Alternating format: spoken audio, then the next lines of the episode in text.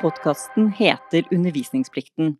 Jeg er Gunn Enli, og denne sesongen så handler det om digital undervisning. I dag er tema psykisk helse. I forbindelse med verdensdagen for psykisk helse så vil vi diskutere hvordan digital undervisning påvirker studentenes hverdag og undervisningen som foregår på norske universiteter og høyskoler. Dette er viktige temaer. Åpenhet er viktig. I dag vil vi bidra til denne samtalen. Jeg har med meg to interessante gjester som jeg har valgt ut til å belyse dette temaet. Første gjesten er direktør i SIO helse, Trond Morten Tronsen. Velkommen hit. Tusen takk. Den andre gjesten er styremedlem i studentutvalget ved HF, Veronica Dalby Tvetan. Så nå lurer jeg på, verdensdagen blir jo markert også her på UiO. Hva slags forhold har dere personlig til denne dagen? Nei, For det første, så for SIO og SIO helse så er det en veldig viktig dag. Altså Psykisk helsetilbudet vårt er jo en av de største tilbudene vi har i, i helsetjenesten. Og jeg tenker at det er en, en veldig viktig tjeneste for studentene. Eh, vi har kjempestor pågang. Eh, og eh, det å sette psykisk helse på dagsorden er viktig. Og jeg tenker at alle mennesker har godt av å tenke gjennom dette her. Vi har alle en psykisk helse. Det å oppleve gjennom livet at man har tunge perioder, det er noe vi alle skal gjennom. Og jeg tenker at å snakke om det på en god måte, det er fint. Og det er veldig fine temaer. Eh, dette her med gi tid, som vi hadde i fjor, og ikke minst spør mer i år. og det det setter fine fokus for en god samtale og, og samhandling med medmennesker. Mm. Veronica, hva med deg? Jeg syns det er veldig viktig at det blir satt på dagsorden. Jeg syns det er utrolig fint at universitetet velger å markere dagen også, fordi vi vet jo at det er veldig mange studenter som sliter psykisk, eller som bare ønsker mer informasjon om det, og da er det veldig fint at de kan få den informasjonen her. Mm. Fordi eh, temaet i år er jo Spør mer. Eh, det er jo et tema som bidrar til åpenhet, eh, men er det noen temaer man absolutt ikke bør spørre om? Jeg tenker at eh, åpenhet er et eh, gode. Det gir oss eh, mulighet både for innsikt og kunnskap og forståelse, og så er det selvfølgelig alltid en vei inn i dette. Det er et men her. Jeg tenker at når man kommer inn på samtaler som kan være vanskelige, så vær varsom. Ha respekt for den du snakker med, vis interesse, og selvfølgelig så handler dette utrolig mye om tillit. Men jeg tenker at de fleste temaer, eller alt kan man egentlig snakke om. Og så må man jo være forberedt, og det tenker jeg alle mennesker skal være. At eh, man kan møte mennesker i livet som har opplevd ting som er vanskelige, og som man ikke er forberedt på å møte og, og måtte snakke om. Eh, og jeg tenker at det man eh, skal ha med seg, er at vær der, lytt, gi tiden din. og og, og, og, være litt forsiktig. Eh, man trenger ikke komme med så veldig mye råd, men jeg tenker at å, å høre etter og ta på alvor det man hører, det er en, det er en fin tilnærming. Mm. Rett og slett å være en, et lyttende medmenneske, men man trenger ikke å løse problemene der og da. Hva med deg, Veronica? Har du opplevd at eh, det er noe man ikke kan spørre om, eller noe som er ubehagelig å snakke om? Det er jo noe som kan oppfattes som ubehagelig å snakke om, men ofte så er det de tingene som det er ganske viktig å snakke om også. Og jeg vil tro at det ikke nødvendigvis er slik at du ikke bør spørre om enkelte ting, men heller spør om det, men vær sikker på at du har skapt en trygg arena der partene føler seg komfortable, og at du har skapt et slags miljø da der vedkommende du snakker med, vet at eh, du, de kan stole på deg, og at du er en trygg person til å snakke med, og også vet at det, det er ikke alltid at vedkommende som vil snakke, er ute etter å få råd. De vil, bare, de vil bare ha noen å snakke med. Det er veldig viktig å da kunne være en god lytter. Mm. Det er jo nesten sånn at det man ikke snakker om, det vokser seg større og blir vanskelig å håndtere. Og at det å snakke om det gjør det på en måte mindre av et tabu, og gjør kanskje skammen mindre, og ensomheten mindre i å ha psykiske problemer. Sånn at det selve det å snakke om det uten at det finnes noen gode løsninger, det er det terapi i. Hva sier du, Trond? Vil, du sa jo i stad at det er viktig for andre nettopp det å bare snakke om det. Og det for eksempel at man snakker om noe, gjør at andre folk eh, ser, ser, deg, da, i der du er, og at du da får større verdi, eller at, ja, at verdien av dine problemer blir anerkjent. Jeg tenker anerkjennelsen er viktig. Det å, å, bli hørt og sett og være en del av en kontekst tenker jeg er viktig. Og så, så blir det jo veldig fort et sånn litt sånn alvorlig tema, dette her. Da. Men jeg tenker at mye av det studentene sliter med, er egentlig øh, ikke alltid så innmari store ting, men de oppleves veldig, veldig stort. Uh, og jeg tenker at vi i SIO-helse vi er opptatt av studenthelsebegrepet. Og jeg tenker at Det handler om en anerkjennelse av den store endringen mange studenter opplever at det er å flytte hjemmefra, flytte til en ny by. Vi er i en fase i livet der vi holder på å utvikle oss biologisk. Eh, denne overgangen i forhold til nettverk og familie. altså Husk på det at gjennom oppveksten din så har du venner som du har vært venner med. Du har vært uvenner med dem, du har blitt venner med dem igjen. Det er dype vennskap. De kjenner deg på godt og vondt. Eh, og så er det en helt ny livssituasjon. Eh, og, jeg tenker at den der nye livssituasjonen den gjør at en del eh, ting som du må håndtere i hverdagen, blir veldig store. Og det er noe av det rådgiverne hos oss forteller. Det er jo at det handler jo veldig om at de kommer inn, og så får man snakke om disse tingene som er kjempevanskelig. Og så plukker man det litt ned i, i små biter, og så ser man at dette her er egentlig ganske håndterbart. Og at problemene er du ikke alene om. Ikke minst. Ja, fordi det at eh, du hører en annen stemme bare kommentere på dine problemer og, og ja, bryte det opp i enheter, det gjør at det ikke blir så uh, uoverkommelig og stort og mørkt, nødvendigvis. For det er en ny livsfase man går inn i som student, og du har jo nylig opplevd dette, Veronica. Uh, kan du fortelle litt fra studentperspektivet? Hvordan høres det ut fra ditt ståsted, det som Morten sier?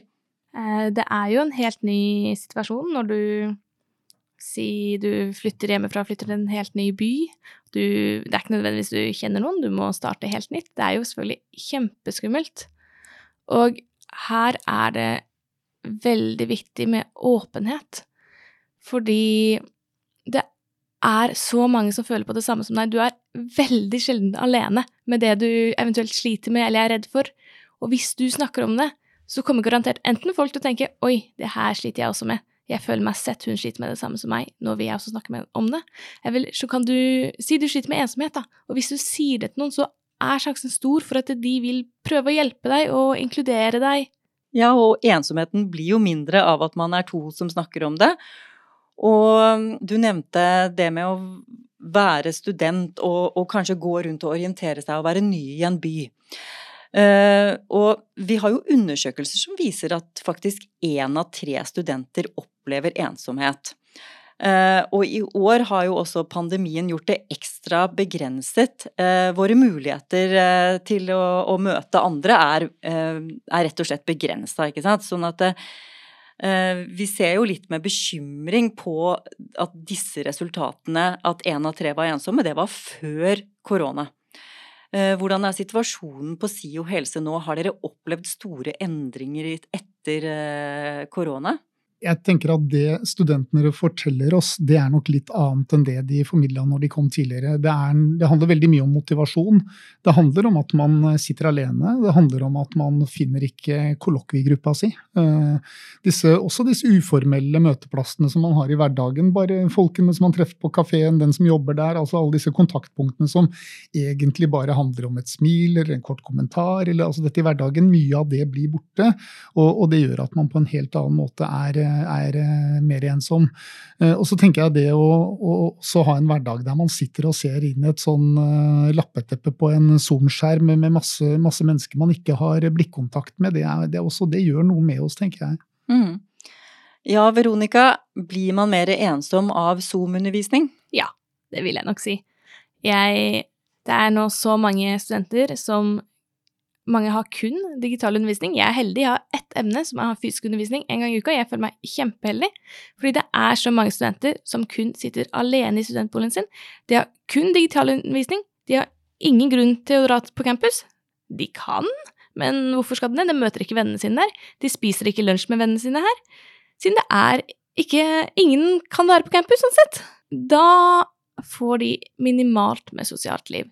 tenk på de førsteårsstudentene som hvis det er, det er førsteårsstudenter på UiO nå som kun har digital undervisning. De har sikkert flyttet til en ny by, kun digital undervisning. De har sikkert ikke vært på campus engang, det er ikke alle som har vært det.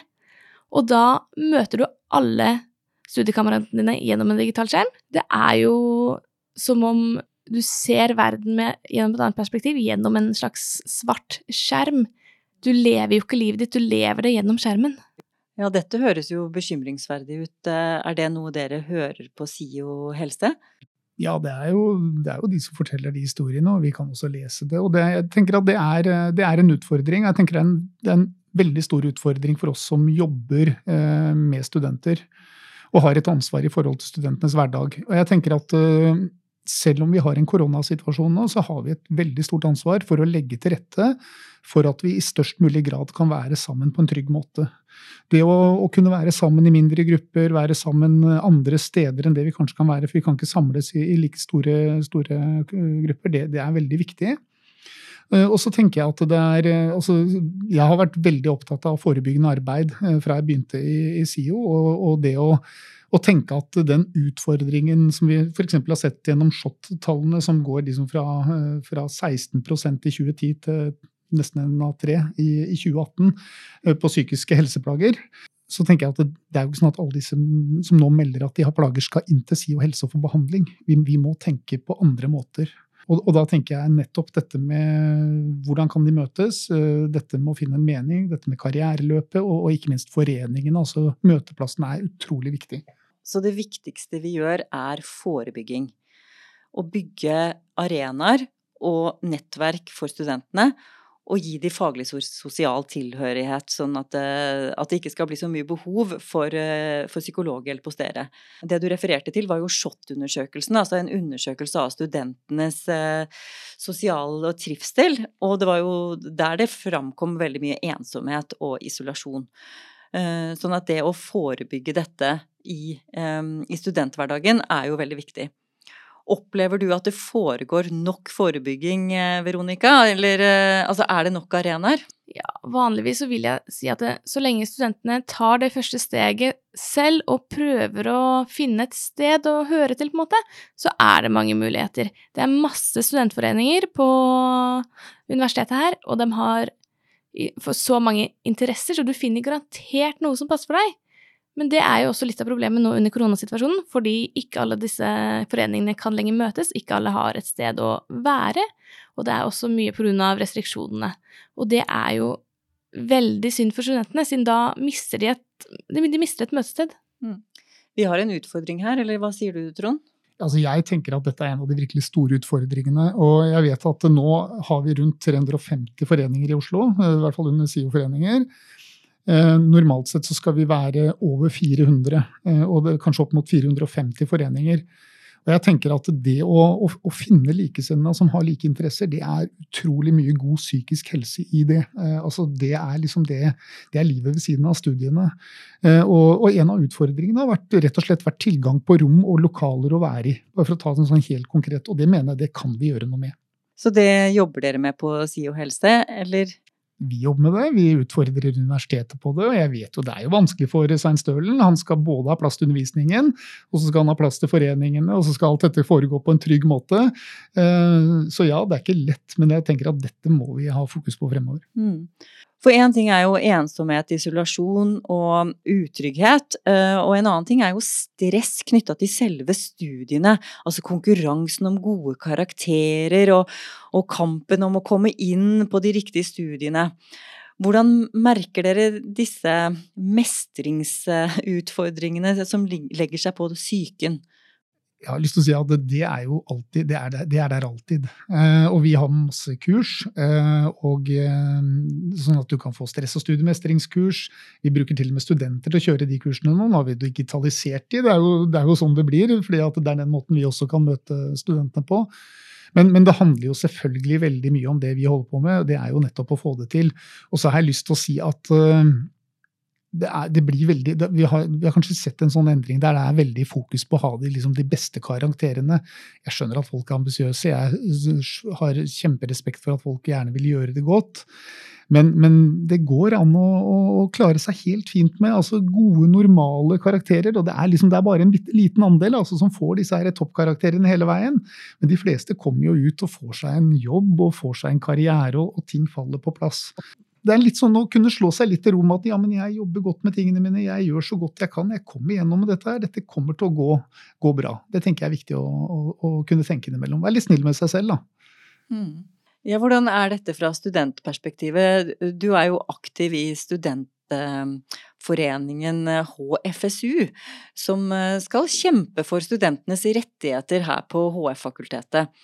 Og er det sånn at dere får mange henvendelser fra studenter som sliter psykisk, eller som har andre bekymringer knytta til studenthverdagen? Nei, det får vi ikke så veldig mye av, ikke til oss. Jeg kan tenke meg at det gjerne eventuelt går til fagutvalgene eller noe sånt. Men vi jobber jo mye med Eh, eksempel SHoT-undersøkelsen og resultatene fra studiebarometeret. Vi ser jo på dem og jobber med dem og tar problemstillingen der opp som vi prøver å jobbe med, prøver å løse det, prøver å snakke med alle fagutvalgene på fakultetet og høre hvordan de best kan hjelpe studentene sine, og også ta det opp med fakultetsledelsen. Så det handler jo om å, å, jobbe godt over tid. Det er jo det. altså Det å, å ha god struktur på studielivet ditt. God tid til å studere, tid til å lese, tid til å kanskje jobbe litt. Men også tid til å være med venner er veldig veldig viktig for å ha en, liksom, den gode balansen. Og så kommer det jo en del til rådgivning, og vi ser jo at det, særlig når det nærmer seg eksamen, da er en del stressa. Da har de gjort litt for lite av det og litt for lite av det, og så er det mye som skal tas igjen. Uh, og, og, da er det jo godt å få litt sånn, uh, litt sånn voksensamtale på hvordan sorterer jeg dette her nå, sånn at jeg i hvert fall klarer det jeg må klare ja, prioritere tiden. Og sørge for at man har noe tid til å, å, gjøre ting som man trives med, og være sammen med folk som ja, gir en energi, da. På et eller annet eh, vis. For det å, å, være student, det er jo mye snakk om å lede seg selv. Altså å bli voksen, men også å lede seg selv, styre seg selv, sin egen hverdag. Det er jo veldig fritt å være student. Er dette en frihet som er litt sånn gullkantet fengsel, eller? Ja, mulig når så mye er opp til studentene, så må de jo de må jo ta, ta, et tak selv og sørge for at ting blir gjort. De må sette seg gode rutiner hvis de ønsker å følge ordentlig med i undervisningen. Og det krever jo en stor del selvdisiplin av veldig mange, som kan være litt vanskelig. Si at du finner en veldig artig studentforening, da, så kanskje du tilbringer litt mye tid der, og ikke like mye tid på studiene. Så det er jo en balanse studentene selv må finne. Mm. Og så er det en stor overgang fra videregående. Fordi da kommer man jo fra et utdanningssystem der det er mye struktur. ikke sant? Du blir jo fortalt veldig mye hva du må gjøre til enhver tid. Og så er det plutselig eh, nesten total frihet, da. Nå er det jo en del som har obligatorisk undervisning og noe struktur her òg, men, men, det er nok en stor overgang for mange, i hvert fall. Ja, det er jo i hvert fall ingen sånn streng eh, fraværsføring og fraværsgrense i samme grad på et universitet. Og det å lese pensum og studere skal jo, ja, krever en stor grad av selvdisiplin og egeninnsats. Men gir vi studentene våre gode nok eh, liksom, ressurser for å klare dette? Selvmestringen? Vi har eh, laget et, eh, et, oppstartsopplegg som veldig mange læresteder bruker, som heter God start. Det ble en sånn digital film i år, men det handler jo veldig mye om hvordan man kan jobbe med å strukturere hverdagen sin og tenke litt planmessig og, og på en måte få den der planen fram til, fram til eksamen. Jeg har drevet litt med løping, og der hadde, kjørte jeg et program en gang som heter The 100 Day Marathon Plan, som en Bakken hadde laga. Jeg tenker Man kunne kanskje lage seg en sånn The 100 Day eksamensplan. altså Hvordan lykkes på eksamen. For det er, liksom, det er de små stegene eh, hver dag. Ja, Er det en god idé, Veronica? Ja, det kunne jo vært en god idé, det.